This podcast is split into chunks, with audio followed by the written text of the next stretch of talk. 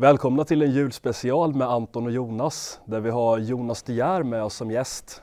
Eh, Jonas har en lång bakgrund som skribent, opinionsbildare med mera. Och vill ni veta mer om den saken så kan ni ju bara googla honom. Ja, har du några speciella planer för, för julen här nu? Nej, eh, faktiskt inte. Det blir nog en ganska low key uh, jul. Härligt. Mm. Lagom kort uppsnack så vi kan gå in på det vi alla har väntat på att få veta. Och det är, vi närmar oss ju en ny maktbalansskifte inom det svenska politiska spektrumet. Precis. Där eh, Sverigedemokraterna skönjer nya framgångar mm. efter varje opinionsundersökning. Så, eh, närmar de sig Socialdemokraterna till att nu faktiskt, eh, vad man kan nästan säga statistiskt säkerställt att ha passerat Socialdemokraterna i opinionsundersökningar och nu är eh, landets största parti. Mm. Så, alltså jag, jag, det, det, vet du bättre som statsvetare än jag, men, men uh, jag, jag, kan tänka mig att det är så pass lite fortfarande enligt den här senaste opinionsundersökningen som SVT då har mm. tagit fram tillsammans med, är det Skop eller vilka är det? Det, det vet jag faktiskt inte, men, men, jag vet vilken du tänker på den senaste. Ja, um, så jag, det kan ligga inom någon sorts felmarginal kanske, jag vet inte. Ja. Men, uh, men det är ändå, ändå så är det anmärkningsvärt att de, det, det är första gången som de går, uh, går om. Ja. För det, det, det, säger ju någonting i alla fall. Ja. Det kan vi vara säkra på. Och just på grund av att det är flera olika. Det har ju varit eh, Centio, Novus och nu det SVT senast ja. också. Precis. Och alla pekar på samma sak. Och nu senaste året, eh, det var ju KD med Ebba Busch Thor som var först ut med att öppna upp för dialog med eh, Sverigedemokraterna varpå Ulf Kristersson följde efter och nu ganska nyligen skrev ut på sin Facebook-sida också att eh, han och hans parti i den mån som de har varit ansvariga för stängt ute röster som har lyft de här problemen som har mm. varit rörande till migration så ber de om ursäkt. Mm. Och samtidigt så har vi då eh, liberaler och centerpartister som i amerikanska uttryck kör en double down och eh, mm. hotar med uteslutning för det lokala företrädare för Liberalerna som väljer att samarbeta med Sverigedemokraterna. Jo, de har bitit sig fast i det, um, det politiskt korrekta paradigmet medan um, um, KD och kanske framförallt Moderaterna har ju liksom omvänt sig där uh, under galgen. Ja. För att, se, ser man till den här opinionsundersökningen som, som publicerades idag så ligger SD då på ungefär lika mycket som uh, Moderaterna och KD tillsammans. Mm. Och då är KD inte i, i, kris på samma sätt som uh, Liberalerna. Till exempel. Nej. Jag vill fortfarande kalla dem för Folkpartiet. Men ja, det vill jag. Det... Vi bruk, det är kul att du säger det, för vi brukar faktiskt fortfarande kalla dem Folkpartiet. Ja, jag kan tänka mig det. Bara av, av trots. Mm. Alternativt Socialisterna, vad de borde ha döpt om sig till. Precis. Ja. Inte, inte för att jag är någon varm anhängare av den liberalistiska åskådning som de säger sig företräda, som de faktiskt inte ens företräder. Mm. Nej, exakt. Men samtidigt är de ju väldigt liberala i många avseenden. De är politiskt korrekta på det liksom, kulturella området men när det kommer till ekonomiska saker så är de ju ändå förhållandevis liberala, både de och Centern, ja. vilket är märkligt. Uh, det, det, kan jag tycka är bland det konstigaste i allt det här. Uh, att uh, Centerpartiet, som egentligen är det parti som historiskt sett borde ligga Sverigedemokraterna närmast. Med tanke på bondeförflutna? Med tanke på, precis, med liksom, den gamla bondeförbundstraditionen och Um, sådär. Och det, är ingen, det är ingen tillfällighet att uh, sådana som um, ja, Mikael Jansson och, och uh, Patrik Ehn för den delen har en, en, en bakgrund inom Centerpartiet. Ja. Absolut. Så att, um, men, men idag har Centerpartiet då blivit det här märkliga, uh, jag vet inte, eh, på sitt sätt man kan inte kalla det för rent eh, libertarianskt, självklart, men det finns ju sådana såna tendenser, uh, eller sådana inslag och, och sen väldigt, väldigt politiskt korrekt. Det, det är en sorts liksom, borgerlig variant av uh, Miljöpartiet. Ja. Precis. Det, det, är lustigt det där för jag vet på tidigt 1900-tal så släppte ju representanter för Centerpartiet en liten skrift som hette ett taggtrådsstängsel. De menade, jag har sagt det i podden innan, men de, de menade att man skulle dra ett taggtrådsstängsel runt Sverige mm. för att skydda då den rena folkstammen mot främmande ja, ja. raselement. Jo, jo. Nej, men de var väldigt, väldigt inne på, på rasbiologi och sådana saker. Det är därför det blir väldigt, uh, det, det, blir lite groteskt när Annie Lööf uh, pratar om uh, Sverigedemokraternas historia och så. Uh, också, det, det vittnar också om hur dåliga SD är i det avseendet, att de inte kan, kan ge bättre svar på tal där. De, de har, de har riktat in sig på sossarna men, uh, men, men Centerns uh, um, historia där, eller alltså Bondeförbundets, verkar de helt okunniga om. Och, och, ja, på samma sätt som de inte heller svarar Jonas Sjöstedt när han pratar om deras historia med, äh, men hur har du gjort upp med ja. din historia? Då? Och den ligger väldigt nära till... Äh, Absolut, till, de har alltså, aldrig gjort upp med nej. det. Att, äh, och det, den historien är ju nästan närmre än den här mörka historien som då Sverigedemokraterna då påstås Ja, framförallt är den mycket tyngre. Ja, mm. det är den. För den mycket, har ju haft realpolitiska ja, genomslag. Ja, ja. Absolut. Uh, just det, vad tänkte jag på det med Centerpartiet och deras libertarianska åskådning. Det, det, de har ju fastnat upp i, i någon tanke om den här fria rörligheten mm. och tror att ja, men bara vi demonterar gränserna och får mm. in där och, så kommer vi att kunna få ett mer frihetligt samhälle. Men alla tendenser visar ju på att de här människorna som de väljer att ta in med den libertarianska tanken kommer ju att rösta för en socialdemokratiskt, alltså mer bidragsberoende och större utbyggnad utav eh, ett välfärdssystem som kommer krackelera för att inte klara av att bära upp den vikten som de här nya medborgarna vill att den ska bära. Ja, nej, jag, jag fattar överhuvudtaget inte hur de tänker. Eh, det, det är jättemärkligt på, på alla plan.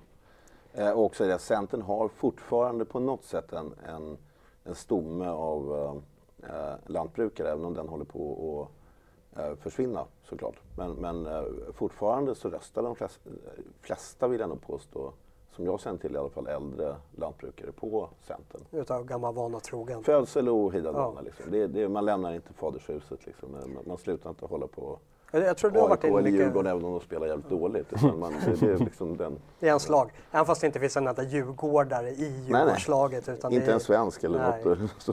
så är det ändå fortfarande en ja. slag. Men du har ju varit inne på det mycket Anton, över att just de här svenska väljarna har någon så här partilojalitet som sträcker sig utöver, utöver mm. det vanliga. Ja, det är, det är något väldigt bisarrt med det där att det är extremt svårt att, att ompröva. Att om man väl har röstat på något parti eller till, till och med ännu värre då om det finns en tradition i släkten eller i bygden att rösta på ett parti så blir det extremt svårt att, att, att ompröva det. Vilket är märkligt egentligen för man kan tycka att den typen av lojalitet borde inte riktigt finnas liksom. Ett, väldigt svårt att se att en person skulle mm. hålla fast vid ett, ett företag som liksom helt plötsligt började leverera väldigt dåliga tjänster bara för att man liksom har varit kund där innan. Vi är ju ganska banklojala också. Mm. Lite, mm. lite samma tendens. Det är väl först nu, vet inte, senaste decenniet som eh, man går ut och faktiskt kan byta från Nordea till SEB beroende på eh, olika löften om räntan och sånt där. Mm. Ja, kanske, kanske något besläktat. Ja. Men, ja, men när, eh, när, jag växte upp då var det så också att äh, var du sosse så handlade du på Konsum. Ja. Om du var sosse mm. då handlade du på ICA och det där var ganska ja. um, ganska konsekvent faktiskt. Men det var ju ett statement att köpa de här blåvita produktserierna som de hade. Mm. Men vad hette det Blåvitt kanske? Blåvitt hette det, ja. ja. och sen så åkte man till statens hamburgerkedja och köpte middag till familjen på söndagen. ja. Mm. Kommer inte ens ihåg vad den hette. Var Klock? Ja, Klock. Ja, det. fanns i Uppsala. Jag, jag, tror att jag fick uppleva det i mina första levnadsår. Ja. Traumatiskt. Ja, jag tror Men äh, åter till, äh, till ämnet. Äh, du som har varit i oppositionen längre än vad vi faktiskt har. Hur tolkar du Ulf Kristerssons ursäkt? Känner du att den träffade dig? Bad han dig om ursäkt här i det här öppna Facebook-meddelandet? Nej, nej, nej. nej. Utan, utan det här är, som, som jag sa, det här är så totalt en, en uh, omvändelse under uh, galgen. Han, han är rädd att, uh, att ju, ju längre Sverigedemokraterna sitter i riksdagen, ju mer folk vänjer sig vid det, desto mer kommer det framstå som ett alternativ för moderata väljare som egentligen sympatiserar mer med var Jimmy Åkesson står än var han står i, ja. i framförallt invandringsfrågan och, och sådär. Så, som är kanske den mest akuta då i Sverige idag. Så att han, han, han måste göra så här för att hans eh, parti inte ska fullständigt marginalisera sig självt. Det, det kan man tycka är märkligt att han inte begrep för äh, länge sedan. Men, äh, Men de, de har ett väldigt starkt Reinfeldtskt arv och Kristersson var ju även med i den eh, administrationen också. Ja. Det är frågan hur, hur ingrott den där... Men de två tycker ju inte om varandra. Om, om, det kanske ni är för, för unga för att minnas, men ja.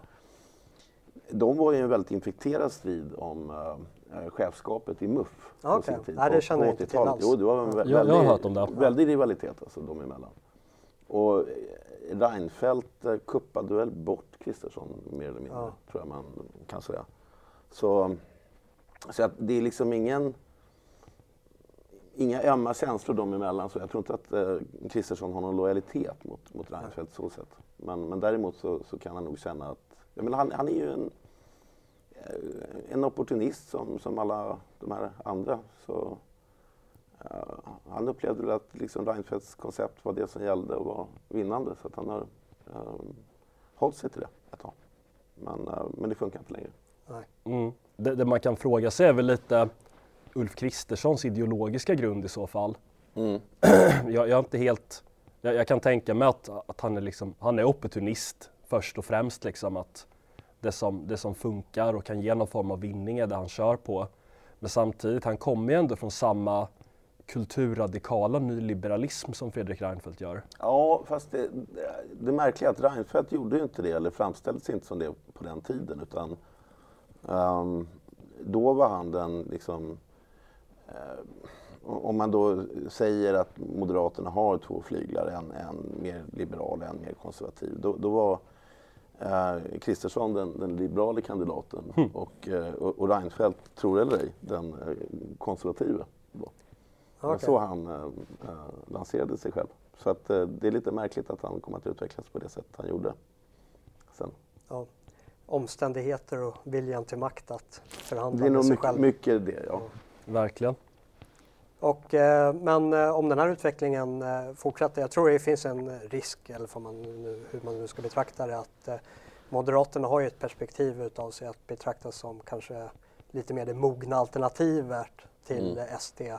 Att ifall de visar sig, åtminstone på ytan, vilja ta den här migrationsfrågan på allvar och kanske till och med börja ta återvandring i, i alla fall som läpparnas bekännelse till det Mm. Att de kan decimera SD.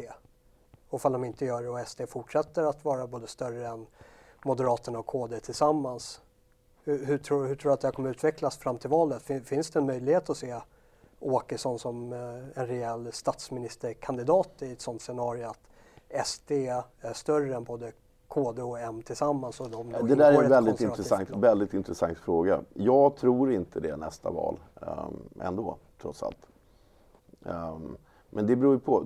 Man får ju tänka sig också att som det nu ser ut så, så har ju inte det här, om, om vi ponerar, nu finns ju inte det formellt, men om, om det har liksom utvecklats nu ett sånt här konservativt eh, block då, um, som är en, en misnomer, för det är liksom inget konservativt över dem egentligen. Men allt är väl relativt antar jag, så okej, okay, låt oss kalla det ett sådant block med, med Moderaterna, KD och äh, äh, SD så har ju de i nuläget i alla fall enligt den här senaste opinionsundersökningen ja. inte egen... De ligger på äh, 48 där någonstans. Precis. Ja. Så att det skulle på något sätt... Skulle det vara val idag så skulle det kräva att Liberalerna rycker upp sig ovan de 3,5 procenten de ligger mm. precis nu. Och så får man förhandla med dem på något sätt och få in, få in dem. Och där skulle gränsen gå naturligtvis för, för, ehm, ehm, för dem. De, de skulle inte kunna sitta i en regering med, med Åkesson som, ehm, som statsminister. Så att, nej, det är...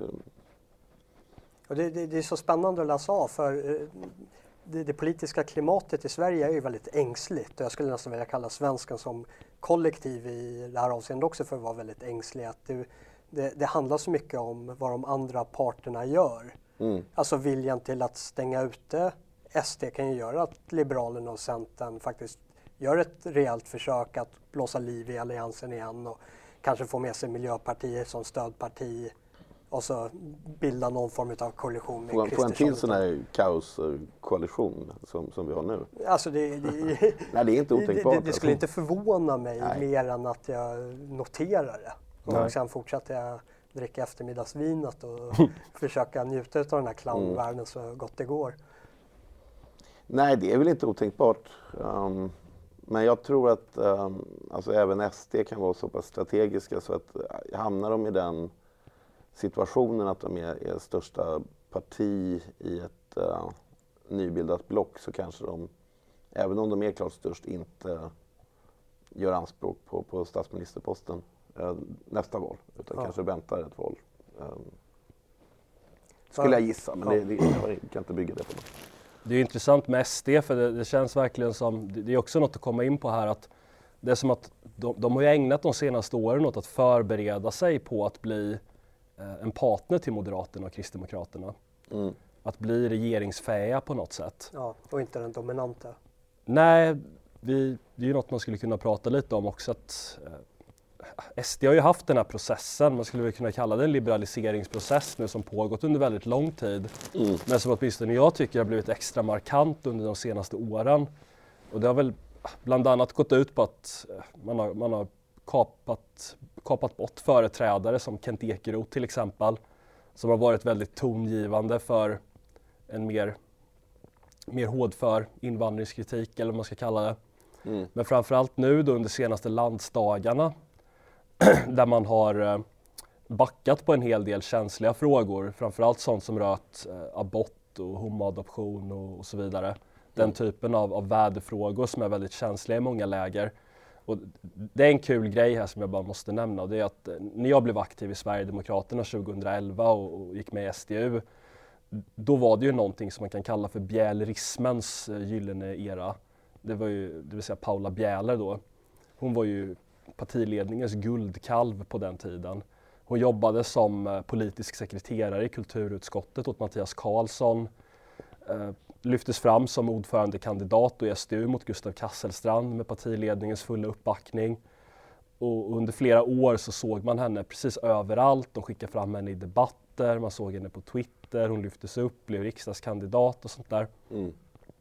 Och, och, hon uppfattades alltid som en representant för den yttersta liberalismen i falanget. Att om en person som Gustav Kasselstrand representerade en, en sorts nationell falang så representerade Paul en vänsterfalang eller vänsterströmning.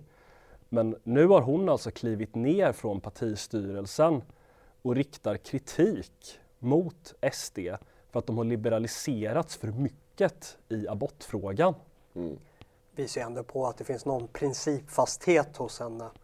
Att eh, hon har ju tyckt samma sak längs vägens gång. Och liksom... Ja, hon har nog aldrig varit någon opportunist. Det har väl mer varit att det hon tyckt har varit opportunt. Ja. Det har varit mm. väldigt lätt med, för någon med, med hennes... Fram till ett läge då? Ja, jo precis. Fram tills, fram tills nu då. Men, men det säger väl någonting om att, eh, att en person som liksom alltid har varit ja, vällovlig att lyfta fram på grund av att hon har varit väldigt liberal och med med den bakgrund hon har och, och allmänna profil. Liksom. Du, du har ju lite erfarenhet från eh, SD och SDU. Du är ju gamla kulturpolitiska talespersonen i, ja, i den Kasselstrandska före detta ungdomsorganisationen. Men hur, hur, ser analysen ut hos eh, Vinge och eh, de, de, andra i liksom, ledningsskiftet? Över, hur, hur tänker de att de ska influera det politiska landskapet i Sverige? Nu var det ju länge sedan jag hade någon insyn där, men jag kommer bara ihåg de, de samtal som jag hade med Henrik Winge för flera år sedan, typ 2014 när, när vi brukade umgås. Och det som var den bärande idén där, det är ju att eh, det enda som har betydelse det är att stoppa invandringen. Och Allting om, annat blir sekundärt som man kan ja, kohandla med. Ja, precis. Att, eh, SD har ju alltid dragits med en massa saker som har skavt det, det har varit olämpliga företrädare och det har även varit en hel del av de här väderfrågorna, aborter till exempel, som, som jag sa precis är väldigt, väldigt känsliga i många läger. Viktiga principfrågor kan tyckas, men som om man ska vara krass är väldigt känsliga i många läger, framförallt bland unga kvinnor kanske. Och så kan få just de grupperna att avstå från att rösta på SD. Jag, jag ska bara släppa in dig strax Jonas, ja, ja. för jag känner att du ville säga någonting. Nej, nej, Men jag, jag, kommer bara ihåg själv när jag var aktiv i, i SDU och, och var på skolbesök och sånt där. Och, och, och de här, och, man inser någonstans när man stått där i ett par timmar att nästan inga debatter man har haft med människor har handlat om invandring Utan det har bara varit unga arga tjejer som har varit där och bråkat om aborter och homoadoptioner. Så det är ju känsliga frågor och det, jag kan förstå att man vill tona ner det liksom rent pragmatiskt för det, det är skönt att slippa ta de debatterna. Alltså, Men de kommer man ju inte att vinna över i alla fall då? Den, den typen av uh, liksom unga politiskt korrekta uh, hjärntvättade brudar som är saliga i anden. Så att uh, det, det, det, är ju extremt problematiskt att man har sålt ut det lilla man hade. Nu har ju SD aldrig haft någon, någon högre vad ska vi säga, ideologisk halt. Va? Men man har haft någon form av kompass tycker jag eh, ändå tidigare. Men den är ju helt väck. Så om man bara ska göra sig till ett, eh, ett, ett, eh, liberalt, liksom, de kallar sig socialkonservativa men det tror jag är svårt att definiera ens vad det betyder i dagens läge. Det är väl därför de kallar sig för det.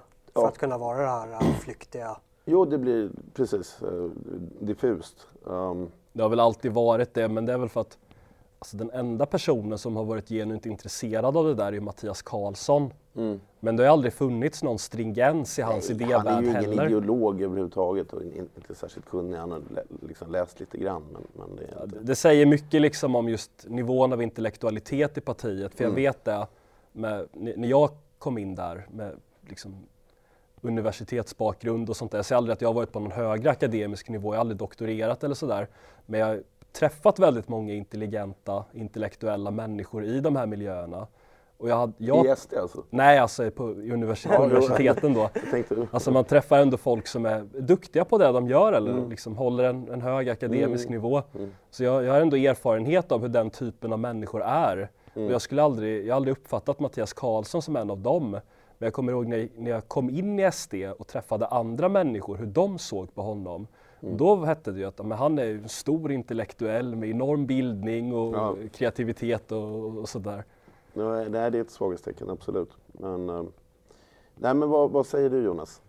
Jag, jag, jag, tror att när vi, när vi pratar om den här flyktigheten de har så är jag inne på din linje att tappar de fotfästet över vilka man är och vad man faktiskt vill bortom invandringsfrågan bara som har varit det primära. Mm.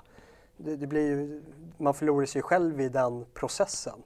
Och eh, det blir, eh, vill, blir mer en individuell vilja till att bibehålla någon maktstruktur snarare än att faktiskt få genomslag för en riktig politik i slutändan.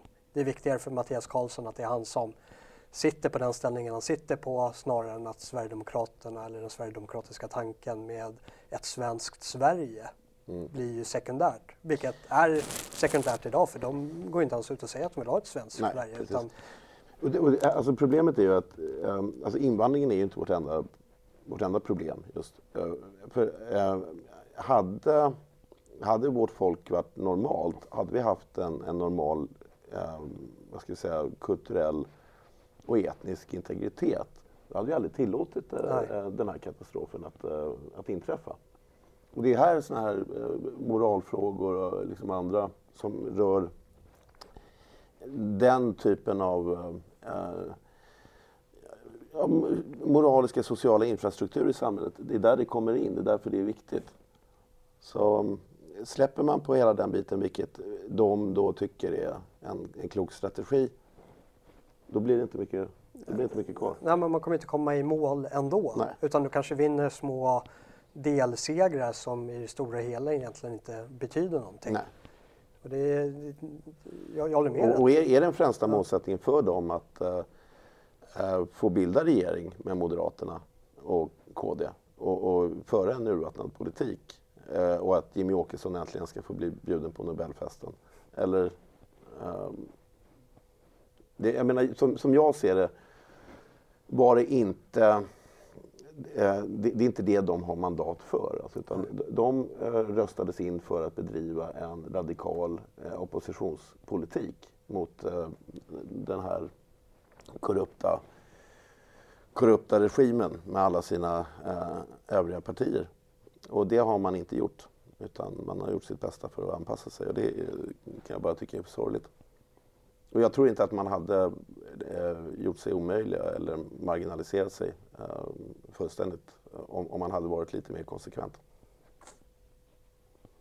Nej, alltså, eh, för, för jag tror att grundproblemet i... Eh, för, för i, i stor del så är det ju mycket av de problemen vi har i vårt samhälle är ju självpåtagna utifrån oss som ett kollektiv över att vi passivt tillåter i alla fall via att vi fortsätter rösta på de här partierna som mm. drivs av den här mörka agendan. Mm. Att vi måste återfå någon, något själsligt värde och självrespekt och börja älska oss själva för att faktiskt därmed kunna kategorisera över vad som är mm. ont. Mm. Och då, då har vi svenska åklagare idag som vägrar att yrka på utvisning utav diverse våldtäktsmän för de kan ju lika gärna återfalla i brott hemma i Somalia som att de återfaller här. Och mm. Varför är kvinnorna här mer värda än kvinnorna i Somalia som man kan våldföra sig Alltså hela det här mm. självhatandet, det, det är liksom där någonstans stommen i problemet är till varför vi tillåter mycket av den ondska som är i vårt samhälle att fortgå. Ja absolut och det är ett dygdigt eh, självhat ja. också. Vi, vi, är stolta över det. Ja men verkligen. Man, man slår sig för bröstet ja. när man verkligen... Uh, man, man hjälper inte någon annan för man inte lider själv i, i, i sitt hjälpande. Nej men det, det, det är ju så också att du, du, du, har en stor kategori svenskar idag som är uh, för sin försörjning beroende av uh, systemet. Och, och, systemet är genomförljuget och, men man måste på något sätt svära trohet till den, mm. den här offentliga lögnen framförallt vad gäller allt som är relaterat till Eh, till massinvandringen. Eh, så att ehm, du, du, du har en, en, en hel, vad ska jag säga, eh, en hel medelklass som har köpts på det sättet, korrumperats av systemet. Ja, det är, det är en välfärdsindustri. Mm. Alltså där det finns ge och ta med olika incitament. Och vi ser det i ja, nu den senaste skandalen, vilket vi inte riktigt sett efterföljden av än. Men det är den här äh, BRÅ-rapporten från Linköpings universitet som visar på den här förljugenheten mm. i att vi försöker dölja verkligheten för medborgarna i, i hopp om att vi ska nå någon form av mångkulturell utopi. Men hur hur kan någon vara förvånad över det egentligen? Alltså jag... Ja, men det är en statlig... Här, Brå är ju en statlig myndighet. Det, det är väl självklart att de eh, liksom, um, producerar resultat. I alla fall liksom friserar och tillrättalägger resultat på ett sätt som, tror inte... som, makten önskar. Det, det är ju deras uppdragsgivare. Så att jag jag, jag, tror inte någon på vår sida av spektrumet är förvånad utan det är ju liksom, vi, vi har sett det glasklart genom årtionden. Mm. Men jag tror att det finns en otrolig, inte för att använda statsministerns språkbruk, men jag tror det finns en enorm naivitet hos... Vi såg det inte komma. Nej men hos eh, gemene man, att det, man kanske inte litar på, säger sig lita på journalister och politiker, men det finns ändå något form av så grundläggande förtroende till myndighetsauktoriteter. Ja, så är det, så är det Utan tvekan. Så är det man, man tror på professorn som står och föreläser, för man tror på Jerzy Sarnecki. Och, och det är det som, alltså, eh, den här eh, rapporten då, som tre forskare gjort från Linköping universitet, eh, de har ju intervjuat 35 personer som har varit involverade i BRÅ och gått på deras utsagor över vad som har format deras rapporter mm. och resultat. Och det har varit politiskt färgat beroende på vilka som är i regeringsställningen. Vilket inte bara är Socialdemokraterna utan det är Moderaterna också. Ja. Så nu när Moderaternas rättspolitiska talespersoner går ut och kritiserar Brå, alltså det, det är luft... Ja, det är larvigt.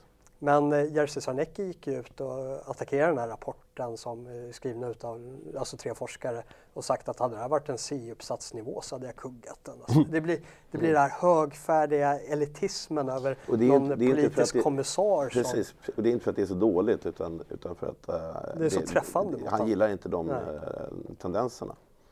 Um, utan uh, han har ju varit involverad i att... Eh, han är ju liksom... Brås ansikte. Alltså om mm. någon tänker på Brå så tänker man på den här Jerzy Sarnecki. Och Brås uppgift i, i, i, hans ögon är att eh, då eh, skapa en... Eh, eller alltså, det är att eh, mörklägga de, de negativa eh, ja. konsekvenserna med invandringen. Svårare än så är det tyvärr inte. Och det, det, det, alltså vi som har varit i opposition, vi har ju aldrig hänvisat till Brå.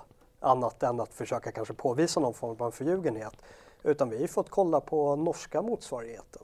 Mm. När eh, de går ut och liksom presenterar fakta utifrån verkligheten att 100 procent utav gängvåldtäkterna i Oslo har begåtts av utomeuropeiska invandrare. Mm. Och så kommer man till Sverige och så säger man att det finns ingen relevans i att eh, redovisa eller undersöka invandrares eh, representation Nej. i brottslighet. Det, det, har hänt i och för sig att det har sipprat fram, ibland ja. som så ofta är fallet, lite, lite verkliga fakta. Det kom en sån där eh, rapport på 90-talet, en, uh, SOU. Och där kom man fram till att um, jo, invandrare var um, överrepresenterade i, i våldsbrottslighet. Uh, och det största problemet med detta, det var att det kunde leda till större rasism i samhället. Um, alltså inte, inte att uh, vi har importerat då, uh, våldsverkare som, som uh, förstör livet för, uh, för människor, uh, svenska medborgare, utan de kan bli rasister om de ja. får sina dåliga erfarenheter. Det, det, det, är den, ja. Jag, jag har ju börjat med ett nytt dokumentärfilmsprojekt om varför Sverige är en mångkultur och jag har börjat ja, göra lite allmän research för att ta kontakt mm. med en del eh, professorer som har skrivit avhandling i ämnet. Och en av liksom, grundanledningarna till varför vi införde de pressetiska reglerna inom journalistiken mm. var ju just för att få journalister och eh, medieetablissemanget att skriva, sluta skriva ut härsprung från mm. eh, förövare. Mm. Enda anledningen. Ja, ja. Just på grund av att det kunde liksom motverka den här eh, politiska reformen till införandet av mångkulturen. Mm. Så det har inte med etik att göra utan det har med ideologi att göra? Ja, rakt igenom. Mm. Det var liksom den uttalade mm. motiveringen. För det kom pressetiken kommer ju från politiskt håll efter man har genomfört det här mångkulturella beslutet. Mm. Alltså en, ja, det, är intressant. Ja, det är kul också att en stoppkloss för allt ja. det här, det är ju just eh, stämning, de ideologiska stämningarna på universiteten. Jag, jag blev faktiskt inte förvånad över att Sarnecki går ut på och, och, är så fräck liksom, eller så otrevlig på ett så otrevligt sätt liksom. Vi har, vi har själv den erfarenheten av att eh, lägga fram uppsatser på ett mm. lite kontroversiellt tema och liksom bara observera bemötandet mm. man får ja. som är alltså giftigt verkligen. Ja. Det är, det är riktigt nöje i sig självt. Mm. ja, det, det hjälpte mig faktiskt med, med min första biuppsats som blev eh, nedskjuten utav en eh, kvinnlig professor på Försvarshögskolan där jag skrev om hur det största säkerhetspolitiska hotet mot Sverige var feminiseringen utav eh, Försvarsmakten. Oj, oj, oj. Jag kan, bara, mm. jag kan tänka mig att man kunde skära med kniv i den dåliga stämningen. Ja, det är så roligt för man sitter där och du ska ha en medstudent som opponent. Mm. Det var så här, den kvinnliga professorn så axlade undan eh, opponenten och tog över det ansvaret på mm. sig själv då, och sköt eh, med eh, ja, jag har varit med, om, varit med om sånt här också. Jag, jag, har inte varit utsatt för det, men jag har suttit med i, i, i sådana uh, situationer. Så, nej men visst, absolut. Nej men de är ju genompolitiserade sen, uh, sen ja, 60-talet i alla fall, eller 70-talet, um, universiteten. Så att um, det är frågan om vad man ska med högre utbildning till uh, egentligen i dagens läge. Ja, alltså för, för egen del, för jag håller med dig att speciellt när man kommer till eh, humaniora, så det finns ingen, vi, vi kan inte arbeta inom det fältet. Nej. Studerar, det existerar det finns inte. Humanioran är ju så dålig rent generellt ja. också, nivån är ju jättelåg.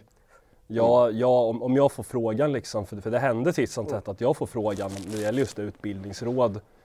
Uh, jag tycker alltid man ska ha en, en liksom praktisk inriktning på något mm. sätt, att man ska alltid bedöma vad vad, vad, man får för yrkesval från sin utbildning. Ja, du ska mm. kunna konkurrera på den fria marknaden som är liksom fritt från, i alla fall i större utsträckning, från det här politiska korrekta giftet som tränger sig in.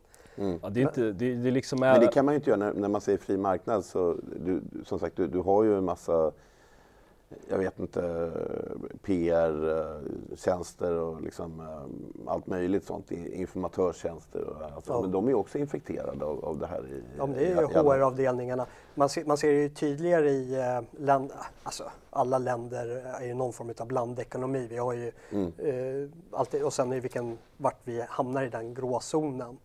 Men desto mer socialistiskt ett land är och du har mer statliga upphandlingar och desto känsligare blir det på något sätt över att den här ingenjören som sitter på sin spetskompetens också kanske har rätt värdegrund. Nej, jag håller mm. inte med faktiskt. Inte? Nej, Nej. inte jag heller. Nej, jag skulle säga alltså, att... Jag tänker på till exempel Sydafrika för att ta ett uppenbart exempel. Ja, men jag tänker på, på USA till exempel. Ja. Det, är, det är därifrån mycket av det här kommer mm. med just det här, alltså just, just hela konceptet human relations. Mm. Att du har någon, ideo, ofta då någon väldigt ideologiskt känslig person där som sitter och googlar på folk för att ta reda på om de har ja, vad de har för åsikter, politiska ståndpunkter mm. och sådana där saker. Men jag skulle, jag skulle nog säga i fallet med USA att det, det spektrumet är så brett så de har de värsta avarterna liksom åt alla håll och kanter. Medan den här stora mittfåran faktiskt är ganska välfungerande. Ja, jag, alltså, nej, nej, det är ändå, jag, jag, skulle säga att det är, lite en, det, det är en illusion det där just att... Ja, för, för, för nej, vänta, låt, låt, låt mig bara säga en sak. Men just hela den här idén om att kapitalism automatiskt skulle innebära högerkultur. Mm. Det säger jag emot, det stämmer inte. Det, det är liksom nej. ett, ett, nej, nej, det, ett icke-korrekt sätt att se på saker och ting. Det kan jag hålla med om att det kanske inte finns en kultur, kulturell korrelation på det sättet. Men kollar man på uh, hur feminismen genomsyrar det svenska samhället kontra hur det genomsyrar det amerikanska samhället så har du värre uh, feministiska ideologier och avarter i Amerika men du har ett bredare genomslag i Sverige. Och det, det, tror jag man kan tillskriva över en starkare socialisering i Sverige. Att när någonting får ett fäste så går det snabbare ut i alla institutioner. Men att eh, det kanske blir lite mer balanserat eller nyanserat, det är fel att säga i och med att Sverige är ju tokigt som det är. Men det finns ännu tokigare feminister i, i Amerika som inte alls får samma breda genomslag som sen våra feminister har hämtat De får ju väldigt brett genomslag även där. Alltså, tittar du på amerikanska universitet så är de, um, alltså även Ivy League-universiteten um, um, och, och, de andra elituniversiteten är ju fullständigt genomstungna av uh, politisk korrekthet oh. idag.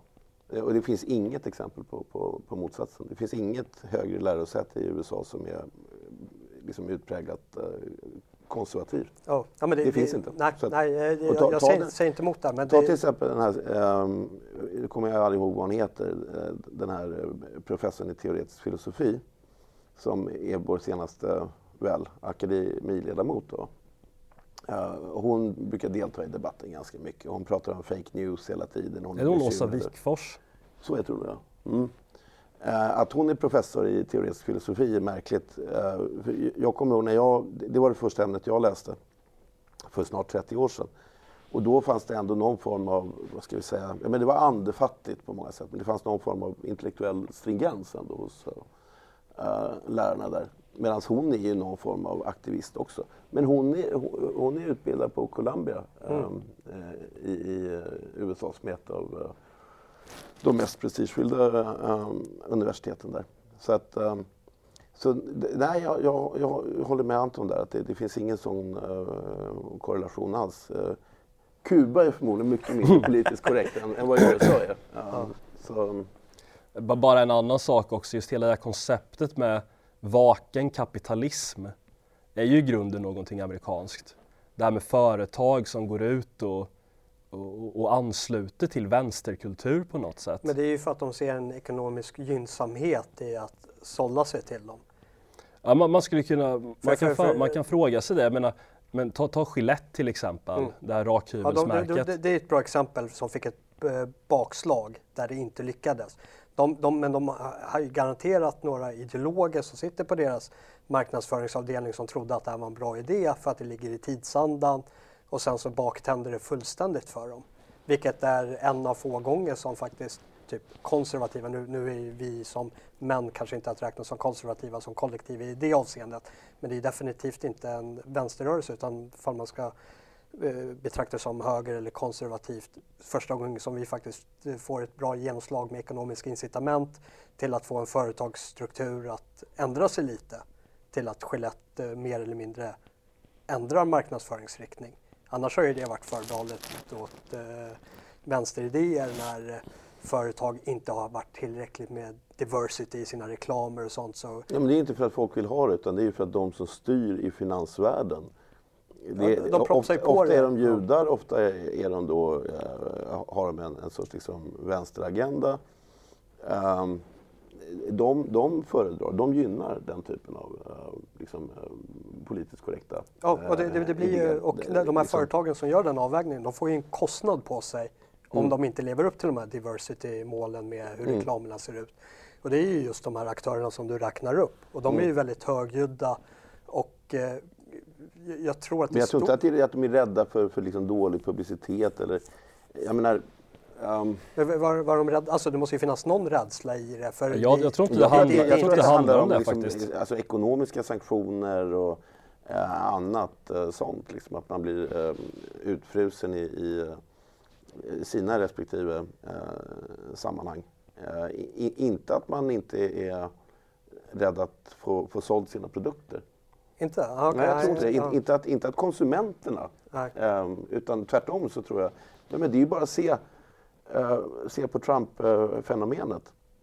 Jag är ju ingen, ingen stor beundrare av, av, honom, men man får ändå liksom eh, medge att det, det, är anmärkningsvärt eh, att eh, liksom den här, vad ska vi säga, underground-rörelsen nästan på något sätt ändå um, lyckades eh, få, få, en president tillsatt.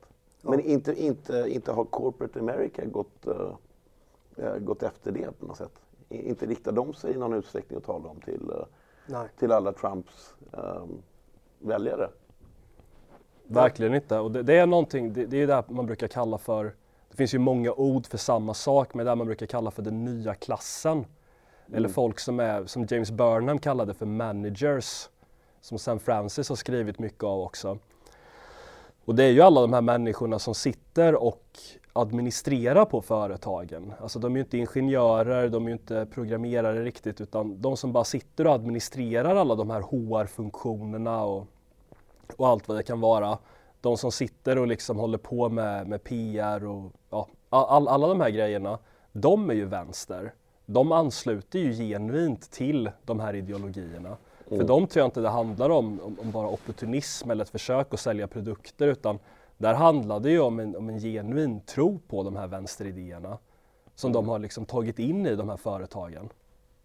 Jag menar alla företag i stort sett, jag menar ta Google till exempel, ta Youtube. Mm. De är ju, alltså Google har ju förklarat krig mot Trump. Ja, ja, de är Youtube har ju rena censuravdelningar med ideologiska kommissarier mer eller mindre som bara sitter och gör livet surt för människor som bedriver dissidentverksamhet på Youtube. Mm. Ja, men det, det, är ju företag som inte drivs utifrån vinstmaximeringen utan de drivs utav andra Ett... mörka agender. Mm. Absolut, är, men jag tror inte man kan förutsätta rationalitet där. Ja, men alltså det är det jag menar. Alltså det, jag tror att i, eh, alltså jag motsäger mig inte att det, eh, det, det, finns de här ideologiskt drivna människorna som struntar i huruvida det är goda ekonomiska incitament eller inte. Men eh, när du kommer in i vissa blandekonomiska strukturer så är många företag tvungna under hot att eh, leva upp till vissa mångfaldsmål. Annars så blir de alienerade från till exempel offentliga upphandlingar. Fast jag ser det liksom inte, fast i, i det här fallet så handlar det om företag som har förklarat krig mot staten i form av Trump. Ja, ja, ja den statliga Trump-administrationen. Mm. Jo, men jag kan inte men, se vad det skulle ha med statliga upphandlingar ja, alltså, att göra. Ta, flytta spektrumet från USA till Sydafrika till exempel. Där de har infört ekonomiska reformer utav Black Economic Empowerment över att har du inte en tillräckligt stor andel svarta inom eh, ägarstrukturen eller på fabriksgolvet så får du inte längre delta i de offentliga upphandlingarna. Där finns ju ett väldigt de är inte förbjudna enligt lag att eh, fortsätta anställa den mest kompetenta då, det nu är, oavsett vilken hudfärg den har. Men det finns ett väldigt starkt incitament till dem att de ska se utifrån mångfaldsperspektivet för att kunna konkurrera med andra företag i eh, både den fria marknaden men också inom den blandekonomin med offentliga upphandlingar. Jo, men där har du liksom en, en, en aggressiv eh, raspolitik som, ja. som bedrivs, bedrivs eh, av eh, regimen. Men när, när Max, eh, eh hamburgerkedjan, eh, går ut och säger att eh, de bara ska, ska anställa ensamkommande och... Ja, och, och, och, att de ska ha minst, vad sa de för några år sedan, minst 50 procent utrikesfödda chefer ja. och liksom, sådana saker. Det är ju ingenting som, som uh, som sossarna har beställt. Nej, nej, nej. men det, det gör de ju alldeles för egen maskin. Tillsammans med en korrelerande tidsanda? Ja, absolut. Men, men jag tror inte att, att det är kopplat till graden av uh, för, för, fri, fri marknad alltså. Utan, nej, nej, nej, men, mycket heller. av marknadsföringskonton hos företag är ju liksom att skapa goodwill över att uh, man ska Men goodwill få... hos, hos vilka? Jag, jag, jag tror, alltså, ja, det, det, snar, jag, jag, skulle, all, jag skulle aldrig äh, käka en hamburgare på Max om, om det inte var extrem kris. Alltså, så, nej, men jag tror, äh, du, du, har ett stort segment idag som, som faktiskt känner att äh, det där inte är, man, man vill inte ha sånt. Men företagen skiter i det. Ja, jag menar, att, ett klockrent exempel på det där är ju företaget Brandos Ja, men, som men, inte finns längre. Ja, det, det, som, det, som gick ut precis efter att SD kommit in i riksdagen med en jättelöjlig video och eh, eh, manade folk då som röstat på SD att inte handla på Brandos. Mm. Men, det, men det är där de ekonomiska incitamenten måste komma. Så, som i fallet med Gillette som också fick ett tungt bakslag med Brandos här. Över att eh, vi inom den Sverigevänliga rörelsen eller liksom konservativa blir bättre mm. på att eh, lägga en ekonomisk kostnad på företag som är uppenbart fientliga mot oss. På samma sätt som vi måste också bli bättre på att premiera företag som går ut och gör något spegelvänt förhållande till vad Max kanske eh, mm. går ut och säger att ja, men, vi, vi är ett Sverigevänligt sinnat företag och vi kommer ta vissa beslut, inte utifrån vinstmaximering utan vad som eh, lämpar sig bäst för vårt eh, lokalområde där vi verkar. 25 procent nästan röstar på, eller skulle idag rösta på, på eh, SD. Hur många som läser Samtiden, det vet jag inte. Nej. Men det är ytterst få uh, företag som annonserar på Samtiden. Ja. Um, det kan man fråga sig vad det är. Um, vad det beror på? Ja. ja. eller som... det, där skulle de ju nå en grupp som skulle uh, Kunna resonera till det. Ja, absolut. Um, men, men det är ju, jag tror att det beror på en rädsla över att företag inte gör det. För jag tror att mm. det finns definitivt företag på åtminstone mellanstor nivå, kanske inte riktigt stor nivå, men med, med ett hundratal anställda som mycket väl skulle kunna tänka sig att annonsera där, men som inte gör det för att de inte är beredda att eh, rida det, stormen. Sen, sen, har du också det här problemet med universiteten, att, att typ var och varannan är universitetsutbildad idag. För att det där är eh, fabriker för eh, politisk korrekthet. Du stöper folk i, i samma form ja. och de som är utbildade de går ut med någon sorts... Alltså utbildning innebär alltid per definition också indoktrinering. I, i, ja, i någon, någon mening. Ja. Mm. Uh, och uh, de som, som uh, har gått igenom universitetet så, som ska ut på, på arbetsmarknaden, så de, de känner att man, man måste hysa vissa värderingar um, eller antivärderingar uh, för att vara en anständig människa. Och för att vara gångbar ja. liksom, i, i, sociala sammanhang eller på arbetsmarknaden eller så. Det, är, det är för övrigt motiveringen till den svenska socialdemokratiska folkskolan. Det är ju primärt inte utbildning utan det är den allmänna breda socialiseringen av att man ska veta att man ska kunna umgås med nästa generationen som kommer ut där. Mm. Mm. Vilket gör, gör liksom per definition till indoktrineringsinstitutioner. Ja, ja. Nej, men skolorna idag är, är ju hemska på det sättet. Det, att man förbjuder hemundervisning och sådär, så visst. Jag vill bara säga en sista grej i den där kapitalismdiskussionen. Ja. Jag tror att din libertarianska åskådning eh, spelade ett spratt Jonas, som du tror att, eh, eller som du verkar tro att Just den här idén, ja, det, det, det, det, är inte bara du som har den. Måla upp julbocken här och tänd eld på den. Ja, ja jag tycker det är ganska, korrekt, det är ganska eh, korrekt stil. bild. Jag tycker man får höra den från, från alla möjliga håll. Men, ja. men just idén om att, att, att stat och blandekonomi skulle nödvändigtvis innebära vänsterkultur. Men om man skulle ha fri marknad då så skulle det automatiskt bli en högerkultur med företag som fattar, alltid fattar rationella ekonomiska nej. beslut och så vidare. Men jag tror inte riktigt att det är på det nej, sättet. Nej, jag, jag skulle nog säga att min libertarianska dragning ligger snarare i den decentraliserade strukturen över att makthavare befinner sig i den lokala miljö som vars politiska beslut de tar drabbar de människorna som är i deras närhet. Så att de inte ska kunna gömma sig undan i eh, något befäst område alla Danderyd och så drabbas folk i utanförskapsområdena eller de svenskar då som riskerar att hamna i utanförskapsområden. Men hur, hur, skulle, hur skulle en, en eh, inom stationstecken då, friare ekonomi leda till den sortens decentralisering? Det kan inte jag se. Nej, nej, det, det, jag, jag, gör inte, jag gör inte den, den kopplingen. Mm. Utan eh, skulle jag beskriva mig som libertarian så handlar det mer om eh, maktstrukturerna i, i det mm. politiska fältet. Alltså kanske en utökad kommunalt självstyre utan liksom subsidier eller eh, skärpta regleringar från centralmakten i Stockholm snarare än att vi går en bredare fri marknadsekonomisk utveckling. Och sen så kanske jag förespråkar fri marknadsekonomi, en större, en större utbredd fri marknadsekonomi än vad vi har idag. Men det är utav andra motiveringsskäl än eh, kulturella eller politiska. Mm. Det handlar mer om att det jag har arbetat ihop, det är mitt. Och Nej men eh, det, det, är klart vi ska eh, lå, låg skatt och liksom minimera någon form av eh, omfördelningspolitik. I,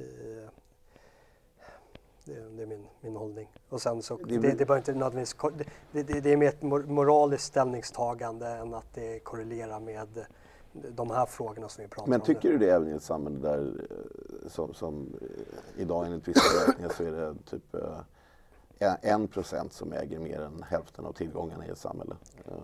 Alltså, när, man, när man kollar på de här sakerna, alltså, dels så finns det bra exempel med varför vi införde viss, viss form av reglering inom omfördelningspolitiken. Och det var ju att vi hade ju de här eh, fattighusen när, när Sverige faktiskt led under en ganska bred fattigdom under 1800-talet. Mm.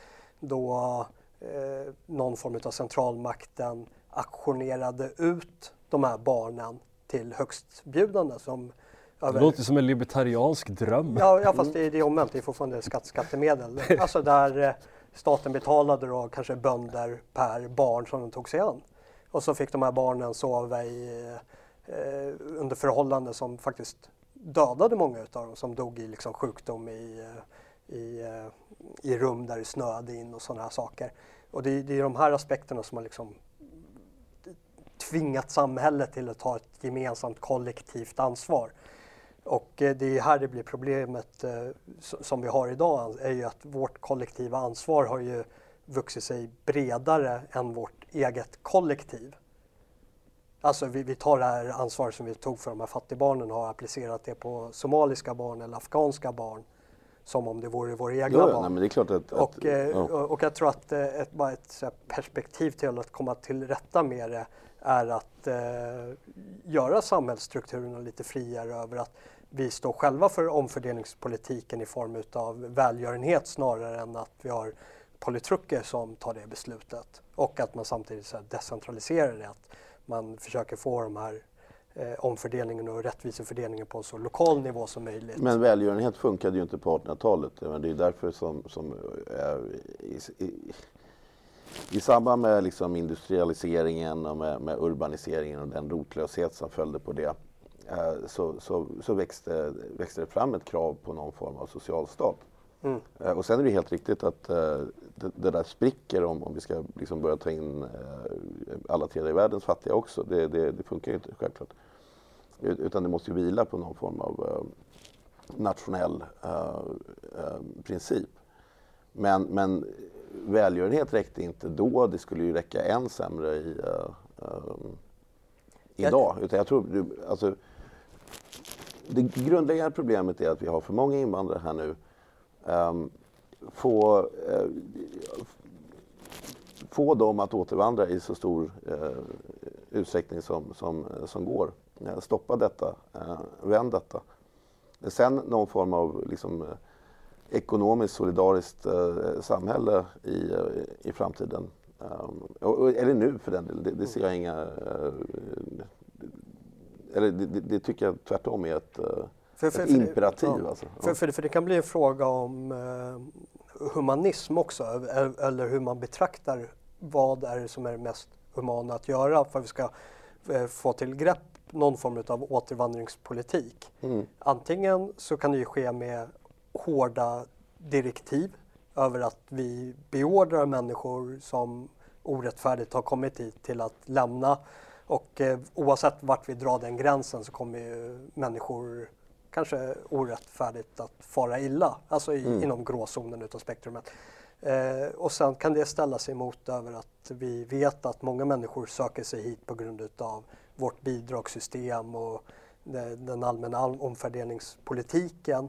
Och om vi stramar åt den istället, ja då kommer också människor att eh, hamna i gråzonen där kanske svenskar också eh, lider i form av att eh, de inte eh, får ut från Försäkringskassan eller eh, bidrag för de behöver de ekonomiska medlen samtidigt som att återvandringsdelen blir humanare över att människor saknar incitament att dels komma hit och sen kanske få något starkare incitament att eh, återvända. Mm. Och där tror jag att det finns lite olika barometrar som man kan spela med och vad som är rätt svar eh, i det spelet, det, det vet jag inte. Men det, jag tror att... Eller du menar att, att om, man, om man generellt uh, stryper liksom välfärden så, så kan de fattiga svenskarna, de offras ju då? Liksom.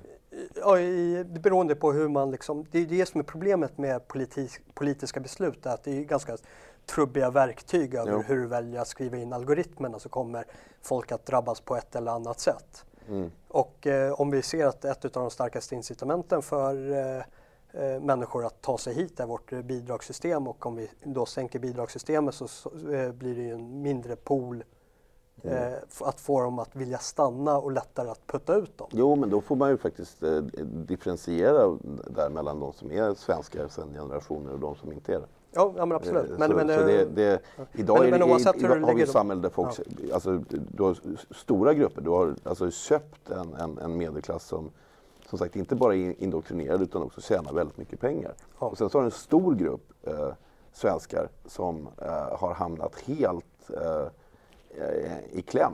De, de, får inte pengar från Försäkringskassan. Ehm, det har jag varit med om själv. Eh, de eh, hamnar i, i liksom sammanhang där de inte kan eh, sätta sina barn i vettiga skolor och så vidare och så vidare. Så att, ehm, ja, det, det, det är ett bedrövligt samhälle som, som, som har utvecklats. Ja, jag tror att... Det, och, och marknads, mer marknadsliberala eller libertarianska åtgärder är nog det sista vi behöver i dagsläget. Tycker jag. Ja, ja men det, det återstår att se. Jag tror att oavsett vilken, vilken eh, väg eller eh, tillvägagångssätt vi går till mötes för att komma till rätta med de, den liksom uppenbara problematiken vi har i vårt samhälle mm. så tror jag att det kommer bli värre innan det blir bättre. Jo, så kan det behöva bli, men jag tycker inte att vi ska liksom offra de, de resurssvagare svenskarna på, på vägen. Nej. Den.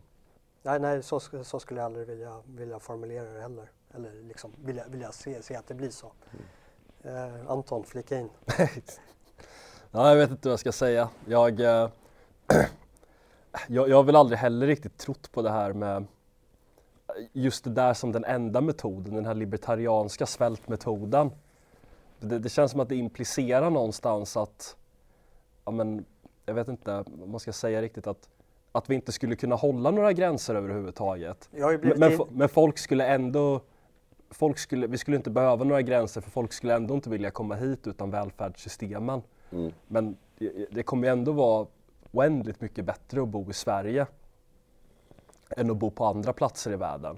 Ja men det är ju för att vi är svenskar så det finns ju och det, det är där också många libertarianer tycker jag missar lite och det är den här sociala gemenskapen utav vart man är sprungen ifrån. Som, som svensk så tror jag att man trivs bäst med, med andra svenskar för att det finns eh, mycket saker som inte är mätbara i form av vår kultur över hur vi kommunicerar och läser av varandra som man inte kan göra på en annan plats för du inte liksom är sprungen från den platsen.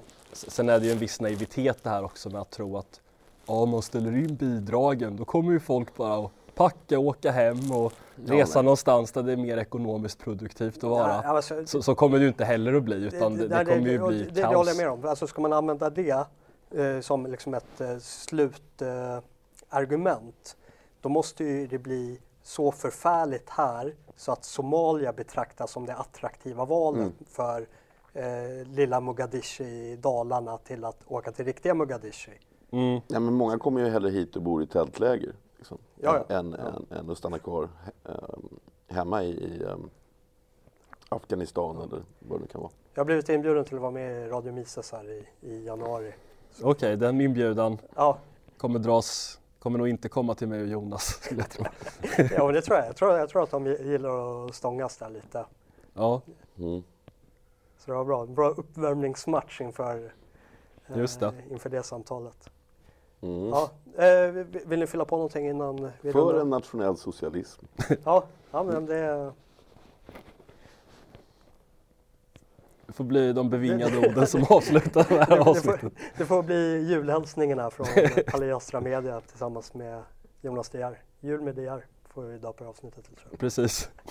ja, tack för att du ville komma. Ja, tack, tack Jonas. Tack för inbjudan.